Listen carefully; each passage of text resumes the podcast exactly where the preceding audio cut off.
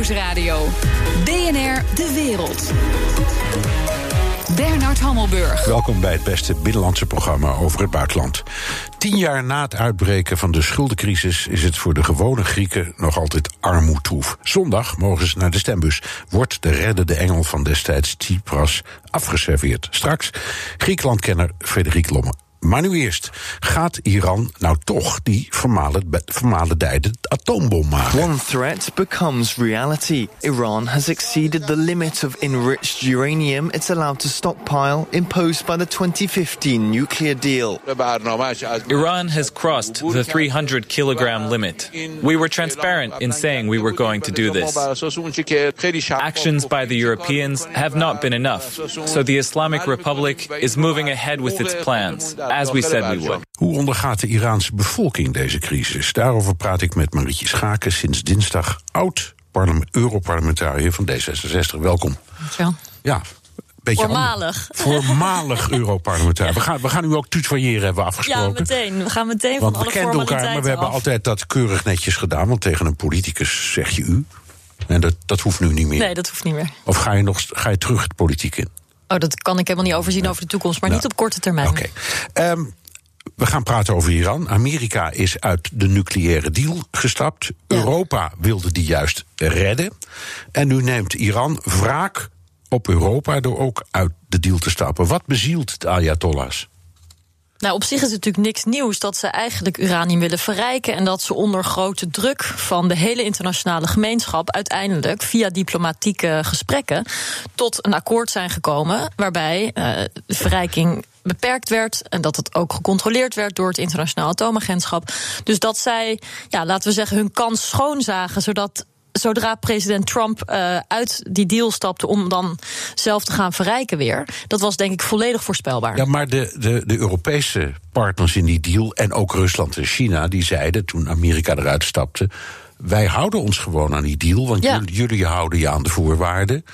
En nu zet Iran, door weer meer te gaan verrijken, Europa onder druk. Waarom? Wij hebben niks misdreven. Nee, maar ze, ze, ze claimen de hele tijd, hè, de, de eh, leiders eh, in de Islamitische Republiek claimen steeds dat de Europese Unie meer had moeten doen om eigenlijk de schade van eh, Amerikaanse acties te balanceren. Ja. En dat kan niet volledig. Het is ook, vind ik, totaal onrealistisch en buitenproportioneel om te suggereren dat de Europeanen die hele ja, verantwoordelijkheid van het Amerikaanse wegstappen van het akkoord kunnen, kunnen Ja, opvangen. maar Europa heeft ook wel dingen beloofd. We gaan, we gaan door met olie kopen, we gaan Ja. door met handel drijven. Er komen grote bedrijven naar jullie toe. Dat is allemaal niet doorgegaan.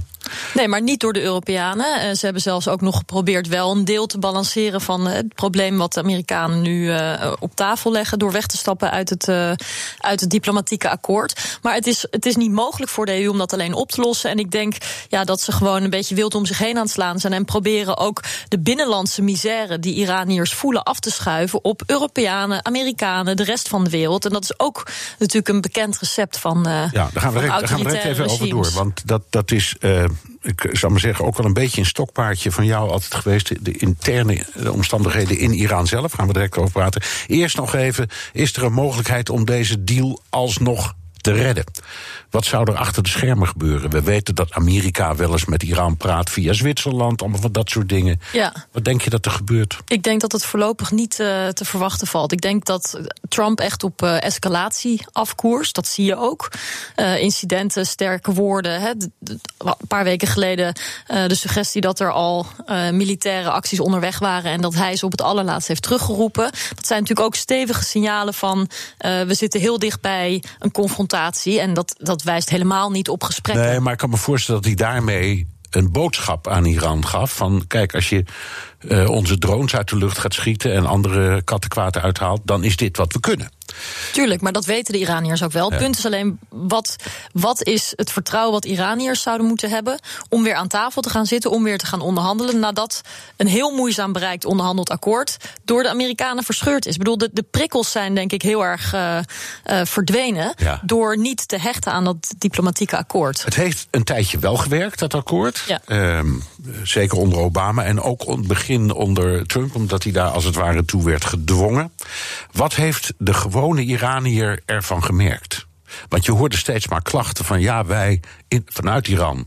Er is nou een deal, maar eh, wij zien er niks van. En al, al het geld gaat naar de oorlog in Syrië en gaat ja. door. Ja, dat was natuurlijk ook zo. Ja. En dat laat ook zien dat het hele nucleaire akkoord niet het enige is wat er aan de hand is. Je hebt corrupte leiders, je hebt zwarte markten die uh, ondanks sancties gewoon floreren, of misschien wel door sancties. Er zijn natuurlijk allemaal mensen die over import-export gaan, die faciliteren dat er uit andere delen van de wereld dan Amerika en Europa levensmiddelen, elektronica, et cetera, het land binnenkomen. Die ja, uh, ook gebruik kunnen maken van allemaal schimmige constructies. En ja. dat, dat gaat allemaal ten koste van de gewone Iraniërs, die denk ik wel een tijd hoop hadden dat hun land meer aangesloten zou raken bij de internationale gemeenschap. Dat die sanctieverlichting ook hun levens zou verbeteren. Ja, en ik snap heel goed dat die nu weer gespannen zijn, ja. bang zijn voor oorlog, et cetera. Ja. Um, Human Rights Watch zegt over Iran: het is nog steeds een verschrikkelijk land. Uh, daar hebben wij het, ik zei het net al, vaker over gehad in deze uitzendingen. Ja. Wat weet je er zelf van? Hoe staat het er daarvoor? Het probleem in Iran is dat er systematisch ook in de wet verankerde mensenrechten schendingen plaatsvinden. Dus vrouwen worden systematisch achter mannen gesteld, moeten achteraan in de bus, erven niet hetzelfde uh, als mannen. Uh, hebben, uh, ja, mensen hebben allemaal geen academische vrijheid, geen meningsuitingsvrijheid, geen internetvrijheid, LHBTI. En en mensen die tot minderheden behoren van allerlei soorten, ook religieuze minderheden, worden systematisch onderdrukt. En dat is iets waar we, waar we denk ik veel meer aandacht voor moeten hebben. Omdat uiteindelijk de belangrijkste verandering van de Iraanse mensen zelf moet komen. Daar geloof ik echt in. Dat kun je niet allemaal van buitenaf organiseren. Dus op het moment dat die jonge mensen die hoog opgeleid zijn en veel wereldser willen leven, veel ook democratische uh, overtuigingen hebben, uh, dat die meer ruimte hebben, dan zal het land ook minder confronterend en uh, ja, provocerend optreden. Ja, dat is ook een beetje de redenering van John Bolton, de, de adviseur van, van Trump. Die zegt: als je ze maar genoeg onder druk zet, dan gebeurt dat. Dan gaat ja. dat vanzelf gebeuren. Ja, dat weet ik niet of hij daar gelijk in zal krijgen. Ik bedoel, ik denk dat je de mensenrechten en de fundamentele vrijheden van Iraniërs überhaupt voorop moet zetten. En dat John Bolton ook wel eerder heeft laten zien dat hij er nogal radicale ideeën op nahoudt. En ik denk gewoon niet dat we daarin moeten trappen, ook als Europa niet. Nee. Um, je, je, hebt uh, in het verleden wel eens gezegd dat Frederike Mogherini, die nu net is afgetreden als buitenlandcommissaris, veel te voorzichtig was in het praten over, of het praten met Iran. Een behoorlijk uh, verwijt. Waarom die kritiek? Ik kan me voorstellen dat zij dacht: mijn eerste taak is wat er ook gebeurt, die deal in stand houden. Ja, maar het is natuurlijk heel raar om, om het maar over één ding te hebben. Ik bedoel, je met een, in een volwassen relatie tot een land, neem Iran of neem een ander land, kun je het en over het nucleaire programma hebben, en over milieukwesties, en over mensenrechten schendingen, en over uh, veiligheidsvraagstukken. En er, er is heel, heel eenzijdig naar Iran gekeken. En ja, een soort antwoord vanuit Federica Mogherini en anderen in Europa is steeds geweest: ja, als de Amerikanen die nucleaire afspraken onder druk zetten, dan moeten wij zeg maar twee keer zoveel doen om dat uh, ja. goed te maken, te ja. compenseren. En daardoor zijn mensenrechten zwaar naar de achtergrond verdreven. En ik vind dat. Ja, maar ik kan me voorstellen dat zij dacht. Primair is dat dat nucleaire conflict niet uh, uh, flauwe grap, maar niet ontploft. Ja. Dus laten we dat proberen te beheersen. De rest komt dan nog wel eens. Ja, maar zo en jij werkt zegt, het dus en zo niet. werkt het dus niet. Nee, maar ook met de Amerikanen. Ik bedoel, ik kan me nog goed herinneren, tijdens de uh, Obama-regering hadden we een heel scala aan thema's wat we altijd met hen bespraken. En dan ging het en over de digitale economie, en over het Midden-Oosten en veiligheid, maar ook over Guantanamo. En dan zeiden we dat moet dicht. Dat en moet ook over ophouden. de doodstraf. Over de doodstraf, inderdaad. Dus als je gewoon een normale, volwassen betrekking hebt met een land, dan kun je al die zaken op tafel leggen. En is het echt idioot om je te laten dwingen in het isoleren tot één thema.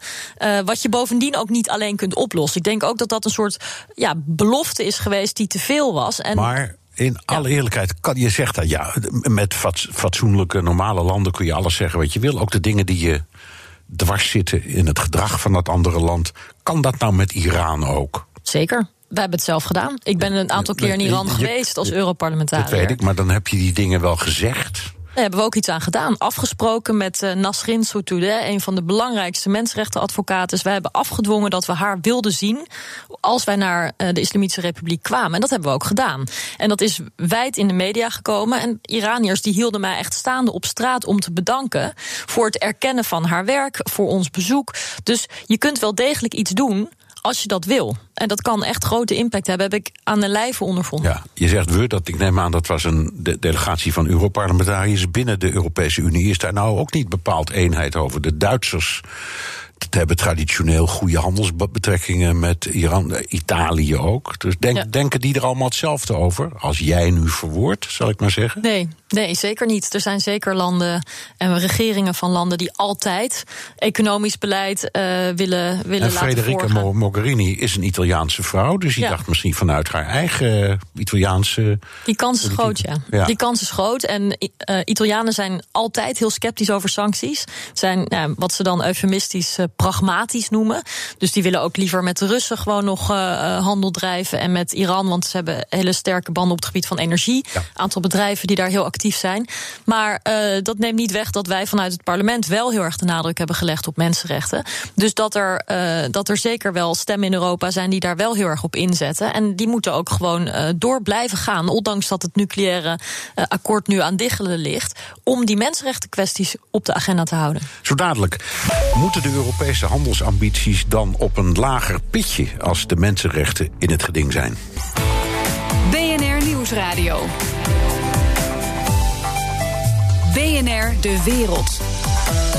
En mijn gast is Marietje Schaken, oud-Europarlementariër voor D66. We must modernize Amnesty International has criticized world leaders for using politics of fear in its annual human rights report. The group launched its findings in Washington for the first time and attacked President Trump for violating human rights at home and abroad.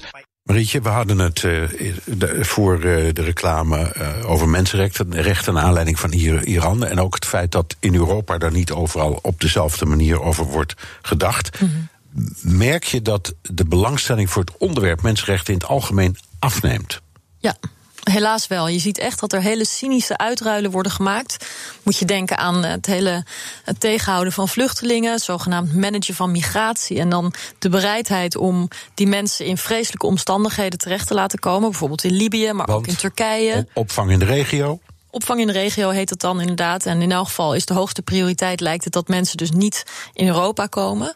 En ja, je ziet dat dat inderdaad uh, een prijs heeft. Want op het moment dat je zelf niet veel wil doen aan mensenrechten. En dat je ook hè, problemen met rechtsstaat hebt in, in landen als Hongarije en Polen. Dan is het ook minder makkelijk om anderen uh, op hun verantwoordelijkheid te wijzen. Dus als ik bijvoorbeeld naar Turkije ging en zei: uh, Nou, uh, jullie politie treedt te hard op bij demonstraties. of jullie snoeren journalisten de mond. dan wezen ze steeds op, op Europese voorbeelden. En zeiden ze: ga eerst eens even je eigen huis op orde brengen. Ja, hadden ze nog gelijk ook. Ja, dat is het pijnlijke eraan. Ja, ja. Nou goed. Um, er wordt ook vaak uh, tegenwoordig het woord realpolitiek gebruikt, herleefd, zal ik maar zeggen. Omdat je kunt niet de hele wereld verbeteren als je hele belangrijke zaken moet regelen. Je, er is nu een conflict tussen Trump en Xi van China. Dat gaat in de eerste plaats over handel. Mm -hmm. En dat moet eerst van, van de baan, anders dan stort de hele wereldhandel misschien in. Met Poetin uh, zijn ook hele belangrijke kwesties over Oekraïne. Met Assad waarvan ook de grootste tegenstanders zeggen: ja, we zullen toch zaken met hem moeten doen, het is niet anders. Uh, met uh, Saudi-Arabië, met Erdogan, met Duterte. Allemaal mensen waarmee om realpolitieke redenen mensen zeggen: ja, het is niet anders, maar je kan niet de hele wereld gaan verbeteren. Dat spreek jij dus tegen. Nee, ik, ik heb heus oog voor de realiteit. En ik denk niet dat je altijd alleen maar uh, over mensenrechten kan praten. Maar bijvoorbeeld China, wat je als eerste noemde. Daar zie je nou juist dat handelskwesties, de digitale economie, veiligheidsvraagstukken, ook cybersecurity en de mensenrechten van Chinese of Oeigoerse minderheden, et cetera, komen allemaal samen. Dus je kan vaak helemaal niet zeggen: oké, okay, uh, we scheiden handel helemaal van mensenrechtenvragen en van veiligheidsvragen. Nou, met alle respect, als uh, onder Xi is de indruk, mijn indruk in elk geval dat het voor de Oeigoeren of voor minderheden juist veel erger wordt op dit moment. Ja, klopt. En de onderhandelingen gaan over het opheffen van handelsbarrières en helemaal niet daarover Omdat de redenering is, ja, dat kan nu even niet. Eerst dat grote dossier van die eh, tarieven. Ja, maar dat, dat moet is eerst, dat moet eerst opgelost. Jawel, dat zijn misschien wel de woorden die de Trump-regering gebruikt. Maar tegelijkertijd zie je dat Nou, bijvoorbeeld bij ook. Huawei, Ja. dat eh, Chinese telecombedrijf, worden wel degelijk zo, zowel veiligheid, dus hè, het inbouwen van, van technologische achterdeurtjes, wordt aangehaald als reden om geen handel meer te drijven met China. Of bijvoorbeeld de verkoop van eh, onderdelen van elektronica uit Amerika naar China. Had, had Trump op hold gezet, eh, vindt dan nu weer doorgang. Dus je ziet wel dat. Ja, maar dat, ging dan over intellectueel eigendom of in gewoon Nederlands het jatten van uitvindingen van de ander. Precies. Maar dat heeft ook niks met mensenrechten te maken. Nou, die hele bedoel- spionagestaat en Ja. zeg maar het, het faciliteren van spionage, zowel hè, de, de eh, Huawei-producten in Europa als in China, dat heeft natuurlijk wel allemaal met elkaar te maken. Dat China een spionagestaat aan het bouwen is. Dat er een heleboel bedrijven, Google doet geen zaken in, eh, in China bijvoorbeeld. Dus dat, dat levert ook handelsbarrières op, omdat zij niet willen voldoen aan de eisen die de Chinese staat stelt. Maar de Oeigoeren worden vervolgd. Er zijn concentratiekampen. Ja, het is echt. Wat er in China gebeurt is echt niet mis. En het wordt Nee. onder Xi Erger. erger. Ja, Ja. klopt. En ik vind dat daar ook veel meer aandacht voor moet zijn. Eh, alleen iedereen is pragmatisch, eh, bedrijven ook Maar dat in is wat Nederland. ik bedoelde met die realpolitiek. Dat, je kan ook zeggen pragmatisch. Ja, wat moet je dan? Nou, Je- we moeten veel strategischer met China omgaan. Dat is duidelijk. Want je ziet nu dat het bedrijfsleven eigenlijk alleen maar goudkoorts heeft en daar heel veel geld wil verdienen. Dat Europese landen niet samenwerken. Sterker nog, je hebt eh, 16 Europese lidstaten die dan samen met China een ander overleg gaan doen dan de Europese Unie met 28 lidstaten. Dus China speelt de Europese landen uit elkaar omdat ze niet strategisch genoeg optreden. Dus inderdaad, het bedrijfsleven kan zijn gang gaan. Er wordt niet genoeg aandacht besteed aan de mensenrechten kwesties. Je hebt die zijderoute die er nu weer aankomt, die door heel Centraal-Azië gaat. Tot aan Rotterdam toe. Ja, Ja. het opkopen van havens en daarmee het inkopen van invloed. Hè, dat de Grieken bijvoorbeeld niet meer het Europese standpunt over mensenrechten schendingen in China mee willen tekenen, omdat ze onder druk worden gezet vanwege. En omdat de, omdat de haven van Piraeus Precies. inmiddels Chinees is, dat begrijp ik allemaal. Maar ja, goed, dus het heeft met elkaar te maken, maar op probeer het maar gewone daar zijn we allemaal zelf bij. Ja, en daar moeten we veel minder naïef Dus over en zijn. dat zijn. Nou goed, naïef, maar je kan toch moeilijk een, een havenexploitant. die een geweldige deal kan maken, waar dan ook en met wie dan ook. en voldoet aan de regels van zijn eigen, van zijn eigen wetten. Die kan je toch niet kwalijk nemen dat hij zegt: ja, maar er speelt ook nog iets moreels of iets van mensenrechten in dat land waar ik zaken mee doe. Dat kan je toch niet verwachten? Ja, dat kan je wel verwachten. Want Griekenland is, is aanzienlijk veel steviger gebonden aan de Europese Unie dan aan China. En dat blijft wat mij betreft ook zo. En ik denk dat elk. Elk land en ook de private sector in verschillende lidstaten in de EU moeten beseffen hoezeer ze uit elkaar worden gespeeld en wat de prijs daarvan ook op langere termijn is. Maar een derde van de terminal in Rotterdam is ook Chinees. Gewoon hier in ons eigen land. Ja, nou, ik mag hopen dat het niet ons mensenrechtenstandpunt over eh, de behandeling van Oeigoeren en het eh, beperken van vrije meningsuiting en het dat- geven van de doodstraf, dat, het maar stiller dat zullen, wordt. dat zullen de ministers Blok en Kaag ook keurig blijven verwoorden. Daar heb ik geen twijfel over. Maar ja, de, de havenbaron in Rotterdam die heeft daar weinig boodschap aan. Ja, Die heeft wel weer andere zorgen over China, mag ik hopen. Hè? Gewoon wat, Dat- wat is de lange termijn strategie? Als je kijkt naar de concurrentie, de opkomende macht van havens in China versus die in Rotterdam, dat is niet misselijk. Dat gaat heel snel. En ik denk dus dat we heel goed moeten nadenken in Europa eh, dat die samenwerking en ook het strategischer opereren in een veranderende wereld ongelooflijk urgent is. Dat zie je in relatie tot China, maar ook in relatie tot Trump en het Midden-Oosten, waar we het allemaal over hebben gehad. Ja. Dat, dat moet gewoon beter, want we worden gedwongen door de omstandigheden in de rest van de wereld. Goed, maar je zegt zelf al, er zijn in Europa kun je daar je niet één lijn vinden. Eh, er is hier enorm gesleuteld eh, aan een eh, China-strategie. Uiteindelijk komt het erop neer, ja, dat kan alleen met Europa samen, is wat jij ook zegt. Maar het gebeurt niet, want al die Europese landen houden er compleet verschillende opvattingen Ja, maar van dat, het verandert nu wel. Maar het is in Europa vaak net wat later dan je zou hopen. En net wat minder stevig dan je zou hopen. Maar ik, ik vrees dat als we het niet proactief zien gebeuren. dat we dan echt gedwongen worden op de meest vervelende manier. door maar dan terug naar. Italië, Griekenland, tot op zekere hoogte Duitsland. Hoe dwing je die landen dan? Dwing, als je dat al zou willen. Hoe krijg je die landen zover dat ze dit standpunt innemen? Nou, je probeert dat natuurlijk via politieke druk te doen. En je hebt daar inderdaad niet alle middelen voor. Maar je kunt dan wel, eh, dus bijvoorbeeld door eh, niet meer alleen maar met veto's te werken, maar met een gekwalificeerde meerderheid, dat Europese bedoelt in- de, Raad. in de Raad. Ja, dus tussen de lidstaten is het eigenlijk überhaupt al heel erg onwerkbaar dat één land het gemeenschappelijk standpunt kan tegenhouden. Dat, dat werkt niet uh, in, een, in een wereld waarin er zoveel op ons afkomt. En je kunt ook kijken naar hoe je heel specifiek op die mensenrechten schendingen sancties kan aannemen. Dat is ook uh, een ontwikkeling waar we veel mee bezig zijn geweest in het Europees Parlement. Dat je dus niet, zoals in het voorbeeld van Iran, de hele economie treft, of in het voorbeeld van China uh, alle betrekkingen, maar dat je heel specifiek gaat kijken wie, welke persoon, nou, welke dat, heeft Trump, dat heeft Trump nu gedaan. Door, door uh, het staatshoofd Gamenei persoonlijk ja. op de sanctielijst te zetten. En de minister van Buitenlandse Zaken. Dat is dus de kant die op moet dat is in principe de kant die op moet. Al is het heel ongebruikelijk om dat met regeringsleiders of politiek leiders te doen. Maar dan kijk je meer naar bijvoorbeeld hè, de hoofd, hoofd van het gevangeniswezen, hoofd van de militaire inlichtingendienst. Degene die verantwoordelijk is, nou, bijvoorbeeld rechters die doodstraffen. Maar het staatshoofd krijg je wel aandacht als je dat doet. En dat heeft hij ja, daar is Trump goed in, ja. Maar of het iets oplost, is een tweede. Ja, nou goed. Um, het, het, het, draait om uh, de manier waarop Europa functioneert. Laten we daar, nou, je bent in nog een paar minuten, laten we het er even over hebben. Je hebt tien jaar in het Europese parlement gezeten. Ja. Um, ga je nou weg met pijn in het hart of denk je het is nou mooi geweest?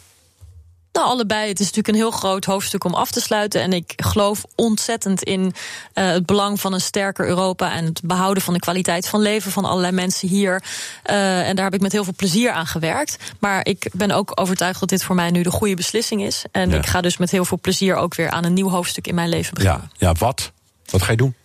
Uh, ja, ik kan het nog niet helemaal in detail uh, nu onthullen. Maar ik ga uh, naar de Verenigde Staten. En ik blijf zeker gecommitteerd aan publieke belang. aan vragen rondom mensenrechten, vrijheden, de rechtsstaat, technologie. Dus um, ik hoop dat we daarover nou, in gesprek kunnen blijven. Ik ook. En daar zullen we elkaar zeker tegenkomen. Nog even over Europa. Ehm, we, we kijken nu naar de stoelendans. Hoe kijk jij naar de stoelendans? Ja, dat is natuurlijk niet, niet leuk om, om te zien. Het is allemaal heel pijnlijk en uh, rommelig en onvoorspelbaar en veel achterkamertjes. Het is natuurlijk niet hoe je het wil. Dus uh, ik zou veel liever een transparanter, democratischer proces willen. Maar ja. er zijn echt een heleboel mensen aan te wijzen die schuldig zijn aan het ondermijnen van dat democratischere proces. Uh, het ondermijnen van het spitsenkandidatenproces. En ja, ik, ik had is ook mijn favorieten. Is dat op zichzelf een goed idee geweest, die spitsenkandidaten? Of is het het verkeerde instrument, eh, of laten we zeggen, praktisch ontoepasbaar. Nou, het is meer wat me opvalt. Kijk, op zich is het natuurlijk heel logisch dat mensen zich moeten kandideren voor topfuncties.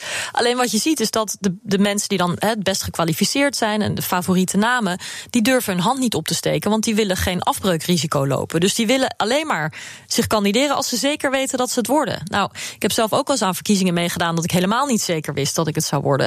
Het is natuurlijk ook niet democratisch om alleen maar uh, het wedstrijdje te willen doen als je, als je kunt winnen. Dus er moet een veel opener, uh, normaler politiek proces komen waarbij de beste mensen, en dan het liefst een heleboel daarvan, een echt debat aangaan op inhoud over welke kant het op moet met Europa. En niet dat het voorkoken van wie de kandidaat is gewoon naar een ander moment verplaatst. Ja. Onder het mom van spitsenkandidaat. Jij zult er voorlopig zelf niet meer aan meewerken. In afval heel veel succes met wat je gaat doen in de Verenigde Staten. We horen dat ongetwijfeld. Uh, en dank dat je zo vaak in dit programma als gast willen optreden. Marietje Schaken, oud-Europarlementariër voor D66. BNR Nieuwsradio. BNR De Wereld. Bernard Hammelburg. Nergens zijn ze zo blij dat Timmermans geen voorzitter van de Europese Commissie wordt als in Budapest, Warschau en Praag. Maar wat in de Centraal-Europese hoofdsteden voelt als een overwinning, zou ze nog wel eens duur te staan komen staan. Uh, Europa-verslaggever Jesse Spinster terug uit Brussel na de langste EU-top ooit goed je in redelijke gezondheid te zien. uh, wat denk je, gaat Timmermans wraak nemen? Nou, hij is in ieder geval nog niet weg natuurlijk. Want uh, ja, als het benoemingsproces allemaal gewoon uh, volgens plan verloopt... dan komt hij terug als eerste vicevoorzitter. Dus met precies de baan die hij al had. En ja, Donald Tusk en Donald Tusk die uh, kondigde dat uh, natuurlijk al aan uh, afgelopen dinsdagavond. To nominate Frans Timmermans and Margaret Vestager as the highest ranking vice presidents of the Commission.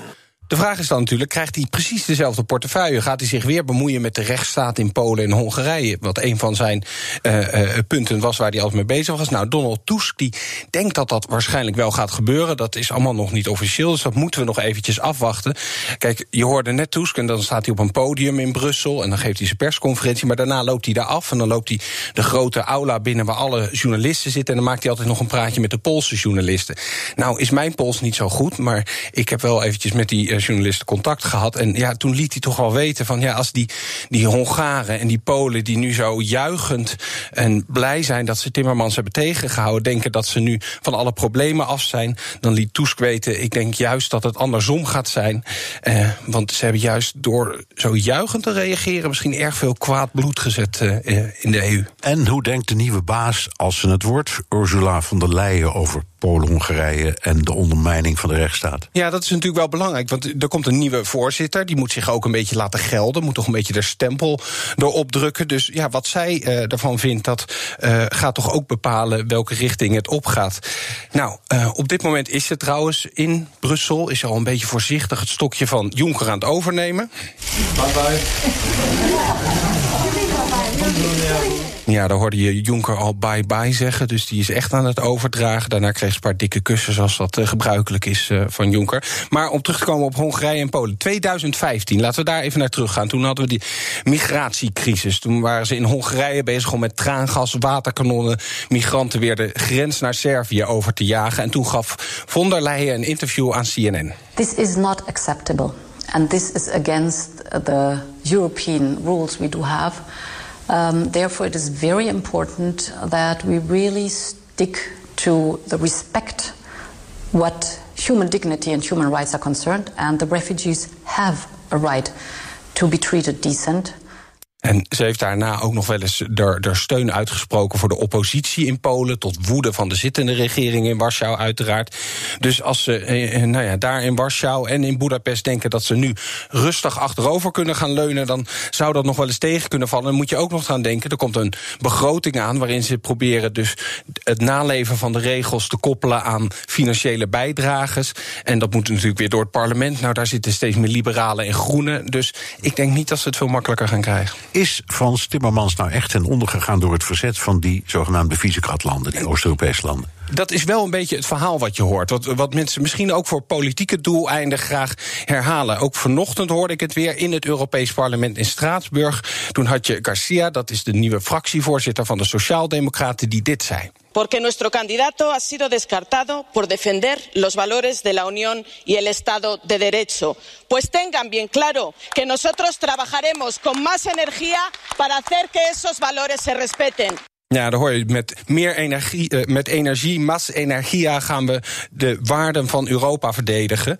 Uh, maar het verhaal dat alleen maar die vieze karatlanden Timmermans tegengehouden hebben, dat betwijfel ik heel erg. Um, dat was een element, maar een heel belangrijk ander element was de verdeeldheid binnen de Europese Volkspartij. Dus de Christen-Democraten, waar Merkel Timmermans wel wilde steunen, maar de premiers uit Kroatië, uit Ierland daar absoluut niet aan mee wilden werken. Die hadden toch zoiets. Wij zijn de grootste, dus waarom zou een sociaaldemocraat straks de baas mogen worden? En ook, ik heb Rutte daar meerdere keren eh, in die dagen in Brussel naar gevraagd. Die zei ja, die, die vrij unieke grote verdeeldheid binnen die partij, zoals hij dat uh, noemde, dat is toch vooral de reden dat geweest dat Timmermans het niet werd. Oké, okay. dankjewel. Europa-verslaggever Jesse Pinst. Dan is het weer tijd voor een update uit de United States of Trump... met onze eigen correspondent in Washington, Jan Postma. Jan, het is vandaag de 4th of July. We hebben al heel veel gehoord over tanks in de straat in Washington... vliegtuigen die Trump inzet. Natuurlijk zijn grote speech. Dat wordt overigens de echte Donald-show vandaag, denk ik. Uh, maar, zeker. Ja, maar het Witte Huis is er vooral stress over de opkomst vanavond. Ja, want het was allemaal wel een beetje last minute, Bernard. En uh, ja, deze dag en, en, en de dagen daarna ook. Uh, er zit een weekend achteraan. Hè, is het juist moment dat veel Amerikanen kiezen om iets met de familie te gaan doen. Uh, vooral hier in Washington. dus veel mensen hebben al plannen. En daar maken ze zich toch wel zorgen over in het Witte Huis. Er zijn bijvoorbeeld veel grote geldschieters van de Trump-campagne die zijn uitgenodigd. Die hebben een speciale VIP-kaart gekregen. Maar ja, dus een beetje rondgebeld. Het blijkt dat die mensen helemaal niet zoveel zin hebben om te komen. Want dit is hun ja, eigenlijk eigenlijk het begin al van hun vrije weekend. En ja, ook niet iedereen is even blij met de, de manier waarop Trump zichzelf uh, de hoofdrolspeler maakt van, van deze dag. Dus uh, Trump-supporters die vinden het fantastisch. Die komen van heinde en verre naar de stad om hem te zien spreken. Maar democraten, en die zitten hier vooral natuurlijk, die vinden het minder leuk. En daar is dus wel wat stress over. Want ja. je, je weet nog die inauguratie, hè? Dus Precies, we willen niet waar. nog een keer zo'n verhaal. Ja, waar die, waar die van zeiden, waren, er waren nog nooit zoveel mensen op de been. En dat is toen nageteld en toen bleek het enorm ja, tegen ja, ja, Nou, even een factor waar hij nog de democraten iets aan kunnen doen. Het weer. Hoe is het met de weersverwachting? Ja, dat is dus ook een dingetje. Uh, uh, ik, ik, ik, zag net de weersvoorspelling uh, op de Washington Post. even kijken hoor. Als een sauna met van tijd tot tijd storm en regen. Dus dan weet je wel een beetje wat het gaat worden. En het is buiten natuurlijk. Dus ik zie hier al mensen een beetje, nou ja, een beetje bangig kijken van... ja, hoe moeten we daar uren gaan zitten wachten? Dus dat, dat zal invloed hebben op de bezoekersaantallen... als het inderdaad zo slecht wordt. Maar dat wordt ook lastig voor die show. Hè. Die, die vliegtuigen die laag over moeten komen, dat vuurwerk... dat wordt allemaal moeilijk als het dus ook slecht weer wordt. Nee. Nou, het lijkt allemaal een beetje chaotisch, dat zei je al. Dus, er zijn geen, of niet of nauwelijks details bekend. Nee, dat, dat, dat, is wel gek. En dat, dat ligt eigenlijk bij uh, ja, de, de, de, man die de hoofdrol uh, speelt, uh, Trump. die wilde namelijk heel veel dingen geheim houden. Hij, hij tweette vanochtend ook dat er mogelijk Air Force One over komt vliegen. Nou, dat weten we al, dat, dat staat in het programma dat dat gaat gebeuren. Maar, maar, maar Trump die is echt een showman natuurlijk. Die wilde dat allemaal geheim houden. Hij is ook de, de regisseur hier eigenlijk van. En normaal gesproken is het zo dat dan een extern iemand wordt aangewezen. Die, die, die, gaat, die regelt dit allemaal al ver van tevoren. Maar nu is het Trump zelf die eigenlijk uh, een beetje micromanaged en alles dus op een soort uh, reality TV-achtige manier geheim wil houden. En daardoor uh, weten ook verschillende instanties niet van elkaar wat ze doen. En dat blijkt dan bijvoorbeeld bij die tanks, hè, waar we al zoveel over gehoord hebben. Het was niet meteen duidelijk dat Trump ze echt, echt wilde, dat het echt een must was. En daardoor moesten ze eigenlijk nog vrij laat binnengebracht hier worden via het spoor. En moesten eigenlijk gisteren en eergisteren nog bedacht worden hoe die tanks, die die heel zwaar zijn natuurlijk... over uh, bepaalde bruggen, uh, speciale route door de stad... toch op hun plek kunnen komen. En zo zijn er nog heel veel dingen die, waarvan we eigenlijk niet precies weten... hoe ze gaan lopen. Nee, wat, wat merk je zelf? Jij woont in een ontzettend leuke buurt. Uh, in de, bij Dupont Plaza in de buurt. Hebben de mensen er een beetje zin in? Ja, nou ja, ja, het is dicht bij het Witte Huis ook trouwens. Dus dat, uh, ja, ik merk wel, uh, dat 4th of July, dat ken jij ook, hè. Dat is natuurlijk echt een soort familiefeestdag. Lekker barbecuen, Amerikaanse vlaggetjes, veel vrolijkheid. maar ik merk hier in Washington, ik zei het al, veel democraten, daar zijn ze toch wat minder enthousiast. En nou, dat komt bijvoorbeeld ook over, door die tanks, hè. Die werden s'nachts hier door de straten gerold. dat is het enige moment dat het hier niet druk is op straat natuurlijk. En, en daar moesten ook flyers voor worden uitgedeeld om, tegen mensen van, nou, schrik niet, er komen tanks aan. En dan merk je toch hier in de omgeving... ik zit ook zo in zo'n buurtapp... Uh, dat mensen dan klagen van... ja, hallo jongens, ik heb 11 september nog meegemaakt. Ik schrik hier gewoon van. En, en die staaljagers die overkomen vliegen... moet dat nou? Uh, mensen zijn daar best wel gespannen over. Dus, ja. dus ze zijn er niet zo blij mee. En tenslotte... Trump houdt maar niet op met een hekel hebben aan de overleden senator John McCain. Toch? Ja, hoe, wordt, ja, klopt. hoe speelt dat nou weer uit vandaag? Ja, dat, denk je, wat heeft dat er nou weer mee te maken? Maar hij is inderdaad nog steeds boos op McCain. En dan moet ik meteen toch even denken aan dat moment uh, toen Trump op bezoek was in Azië. Ik geloof een marinebasis in Japan. Daar, daar ligt de USS John McCain. En dat de marine dacht, die leggen we maar eventjes een beetje buiten beeld. We bedekken die naam, want anders wordt hij vast boos. Nou, er is nu een actiegroep die daar boos over was. En die delen uh, shirts uit vandaag met de naam USS John McCain erop. Dus dat is nou even één dingetje waar die grote regisseur, de ster van de avond niks aan Nee, nee. Was dat trouwens niet, is die niet genoemd naar de vader van John McCain? Dat klopt, ja. ja en ik zag ja. toevallig deze week dat het portret van uh, de, de, jonge McCain, zeg maar, die is op het schip er ook bijgehangen. Dus het is nu het is echt een familieschip geworden. Uh, Oké, okay, dankjewel Jan Postma correspondent in Washington en happy 4th of July. En zo dadelijk, tien jaar na het losbarsten van de schuldencrisis... is het voor de gewone Griek, Griek nog steeds schrapen. Wat betekent dat zondag bij de verkiezingen... voor de linkse redder des vaderlands Tsipras? Ik bespreek het met Griekenlandkenner Frederik Lomme. BNR Nieuwsradio. BNR De Wereld. Het leven van de gewone Grieken is er tien jaar na het uitbreken van de schuldencrisis alleen maar miserabeler op geworden. De radicaal linkse premier Tsipras beloofde vier jaar geleden beterschap, maar daar hebben zijn kiezers weinig van gemerkt. Zondag mogen de Grieken naar de stembus. Alexis Tsipras is facing demands to resign after his party was defeated by the opposition conservatives, the New Democracy, in these European Parliament elections. Tsipras said he'll request the early dissolution of parliament after a second round of local elections is held. Mijn gast, Frederik Lomme, journalist, Griekenlandkenner en schrijfster van het boek Het Verdriet van Griekenland, dat in september verschijnt. Wat is dat verdriet, trouwens? Dat verdriet is erg groot. Uh, dat verdriet heeft eigenlijk betrekking op bijna alle, alle aspecten van de samenleving.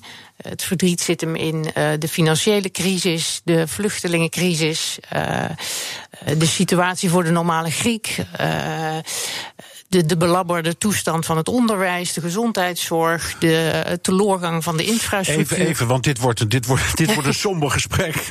Maar even, Dat wordt het. is er iets goed in Griekenland? Is er iets wat werkt? Is er iets wat prettig is, wat, wat functioneert? Ja, wat, je, je wat moet nou goed al heel is- lang nadenken. Ja, Ja. Nou, wat, wat goed is, is eh, misschien de mentaliteit van het Griekse volk. Wat mij altijd verbaast. Want het gaat op dit moment echt vreselijk slecht daar, vind ik. En het gaat ook slechter dan eh, in 2011, 2012, 2013. Het is eigenlijk de afgelopen jaren steeds slechter gegaan. Maar wat mij altijd verbaast is dat de eh, gewone Griek moedig blijft en eh, nou, optimistisch is misschien wel wat overdreven, maar zeker strijdlustig. Ja, zondag zijn de parlementsverkiezingen. Dat is ook de aanleiding om erover te praten. Ja. Eh, gaat de kiezer Tsipras afstraffen? Ja, dat gaat hij eh, en zij eh, zeker doen. Eh, de peilingen die zijn vrij slecht voor Tsipras. De laatste uit de laatste peilingen van deze week blijkt dat de grootste oppositiepartij, Nea Democratia, waarschijnlijk een grote zege gaat hebben.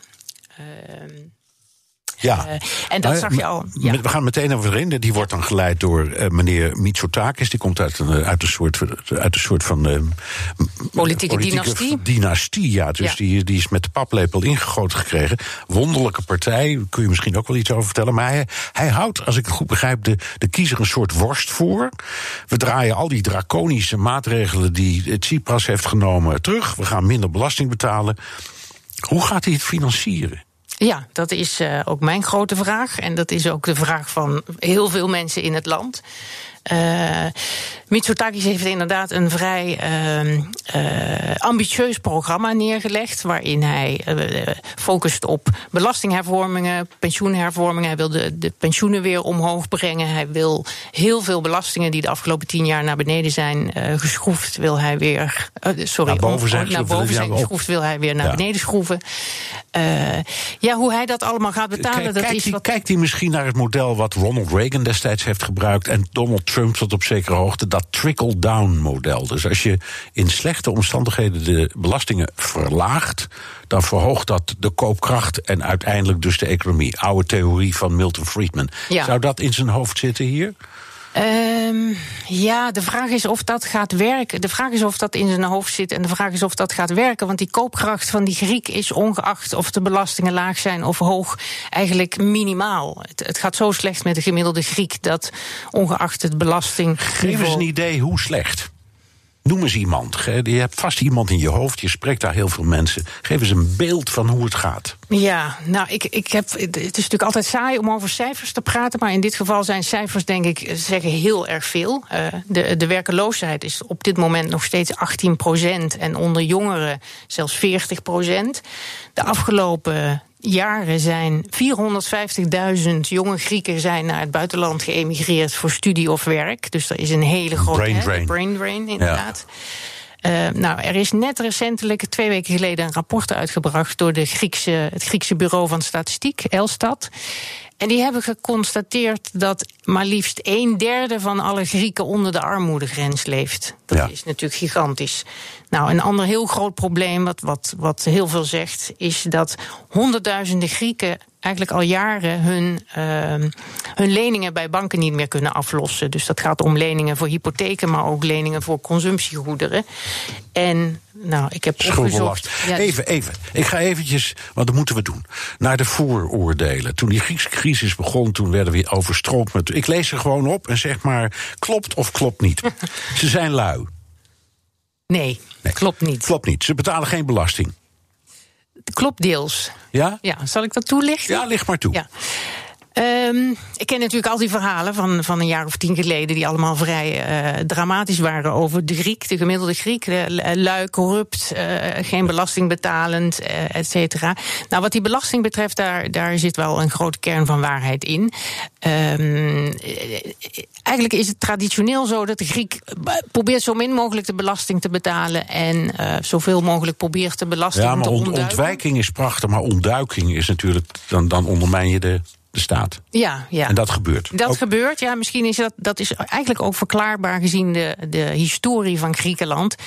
Uh, ik merk altijd bij Grieken dat ze een antipathie hebben tegenover de staat. En dat komt omdat ze eigenlijk pas een paar decennia lang zijn ze zelfstandig, zijn ze hun eigen baas. Ze hebben altijd. Maar ja, een... maar dat kolonelsregime is alweer een paar dagen geleden. Dus, uh... Ja, maar ze hebben bijvoorbeeld 400 jaar lang hebben ze, uh, zijn ze onderdeel geweest van, de, van het Ottomaanse Rijk. Absoluut. En, en 400 jaar lang is het natuurlijk vrij lang om ja. Uh, nou ja, iets okay. in de genen van dus, een volk dus, te krijgen. Dus, oh, dus ze hebben een broertje dood aan belasting. Ze, alles gaat met zwart geld. Weer zo'n vooroordeel. Dat klopt ook deels. Ja, ze gaan als kleuter al met pensioen. Nee. Nee, nee dat, dat, is, uh, dat klopt helemaal niet. Er waren beroepen. Toen de crisis net uitbrak, uh, was het zo dat mensen in bepaalde beroepen, zoals politiemannen, uh, brandweermensen, die konden eerder met pensioen. Uh, maar dat zijn ook wel de enige groepen. En ik moet zeggen, ik ken ook in Nederland mensen die met, met de VUT zijn gegaan een aantal jaren geleden. Wij hadden ook iets wat Zeker. heette vervroegd pensioen. De meeste Grieken die ik ken, en dat blijkt ook uit statistieken, werken hard, werken door, zelfs tot na hun pensioen. Hebben zelfs vaak meerdere banen om rond te kunnen komen. Volgende voerde. Geen taxichauffeur geeft een bonnetje. Vroeger niet, tegenwoordig wel. Oh ja? Je Ja. krijgt een bonnetje. Altijd. Met- ja. Ja. Nou, dat is echt veranderd dus. De Griek ziet Europa als een pinautomaat. Nee, nee, nee. Eh, ik zou eerder willen zeggen, de Griek ziet Europa als bezettingsmacht. Dat moet je uitleggen. Dus wij zijn, ze, zijn, ze maken deel uit van Europa. Ze hebben gevochten om in de euro te blijven en in Europa te blijven. Maar wat je nu zegt is, ze zien ons als bezettingsmacht. Ja, ja. Ze hebben eigenlijk. eh, nou, al voordat de crisis uitbrak, was het zo dat, dat de Griek een rare verhouding heeft tot Europa. De, eh, Griekenland hoort uiteraard bij de Europese Unie, hè, voorheen de Europese gemeenschap. Maar een Griek praat ook in zijn normale taalgebruik over Europa als zijnde een entiteit die zich buiten hem Net bevindt. als de Britten. De Britten hebben het over Ja. eh, eh, de United Kingdom en Europe. Ja, En de Grieken praten net zo? Ja, een Griek zegt bijvoorbeeld, als ik aan een Griek vraag waar ga je op vakantie, en die Griek gaat bijvoorbeeld eh, een weekend naar Parijs, dan zegt hij, ik ga naar Europa, ik ga naar Parijs. En als je dan vraagt, je gaat naar Europa, je, je hoort toch zelf tot Europa? Nee, ik ga naar Europa. Nou, dat is één ding, dus dat was altijd al zo. Maar dat is versterkt, dat gevoel, sinds het begin van de crisis, toen de Europese Unie en het IMF eh, die hulpprogramma's eh, aan de Grieken gingen geven. Hè. Dat is drie keer gebeurd in 2010, 2012 en 2015. Al die miljarden. Nou, al die miljarden zijn niet bij de Grieken zelf terechtgekomen, maar dat weet waarschijnlijk iedereen. Die zijn grotendeels voor 95% terechtgekomen bij Duitsland, het IMF. Want dat moest Ze zijn eruit- gewoon op onze eigen banken blijven staan. Daar komt het op neer. Ja, daar En komt het op neer, Het waren ja. meer kre- kredietgaranties dan betalingen. Exact. Ja. En in ruil voor al die, eh, voor al de, voor al die miljarden eh, moest, Griek- moest de Griekse regering enorm bezuinigen Ja. en hervormen. En dat raakte natuurlijk het Griekse volk. Dus, die draconische maatregelen van toen, die bevestigden het beeld van dat Europa, daar horen wij toch al niet bij. Ja, exact. Oké, hoe staat eh, meneer eh Mitsotakis, de, de waarschijnlijke volgende premier, nu tegenover Europa? Is die ook zo cynisch, anti? Nee, hij, eh, hij is pro-Europees. Hij, hij profileert zichzelf als een moderne, westerse, neoliberaal, pro-Europees. Ja, Maar je, en je zegt hij ligt stevig voor in de, in de hij peilingen. ligt stevig voor, ja. En daar hebben Dus, ook. dus, dus als je zegt, ja, die Grieken hebben eigenlijk, die zien ons als bezettingsmacht, Europa. Maar deze eh, politicus die een redelijke eh, kans maakt met, eh, met zijn partij Neo-Democratia. Die komt met een boodschap die zeer pro-Europees is. Ja, maar eigenlijk is dat helemaal niet zo interessant voor deze verkiezingen. Ehm, he, eh, normaal gesproken heb je wel één thema bij de verkiezingen of meerdere thema's. En je ziet dat bij deze verkiezingen überhaupt Europa niet zo'n rol speelt. Eigenlijk is het thema van deze verkiezingen. Wie, welke partij kan ons uit deze misère helpen na tien jaar? En de Griek gelooft dat dat deze partij is. En de Griek gelooft niet dat dat deze partij is, maar de Griek heeft eigenlijk weinig keus. Eh, het aanbod is beperkt. Eh, er zijn drie grote partijen eh, op dit moment: de ND van Mitsotakis, Syriza van Tsipras en een, een partij aan de linkerkant van het politieke spectrum, waar ook de voormalige PASOK in is opgegaan. En eigenlijk kleeft aan alle drie de partijen tegenwoordig de geur van bezuinigingen en hervormingen. Dus eigenlijk wil de Griek ze alle drie niet. Nou, een alternatief is er niet echt. Jawel, er zijn nog een paar eh, eh, interessante alternatieven. De communisten, de Gouden Dageraad. Dat zijn een beetje radicale partijen, maar ze zijn er wel. Dat klopt. De uitersten aan beide zijden van het politieke spectrum, die zijn er ook nog, inderdaad. Aan de linkerkant de communisten, de KKE. En aan de rechterkant de Gouden Dageraad, Grisi Avgi. En een nieuwe rechtsextremistische partij, eh, Griekse Hoop. Die ook vrij goed heeft gescoord bij de Europese verkiezingen eind mei. Maar goed, die zullen.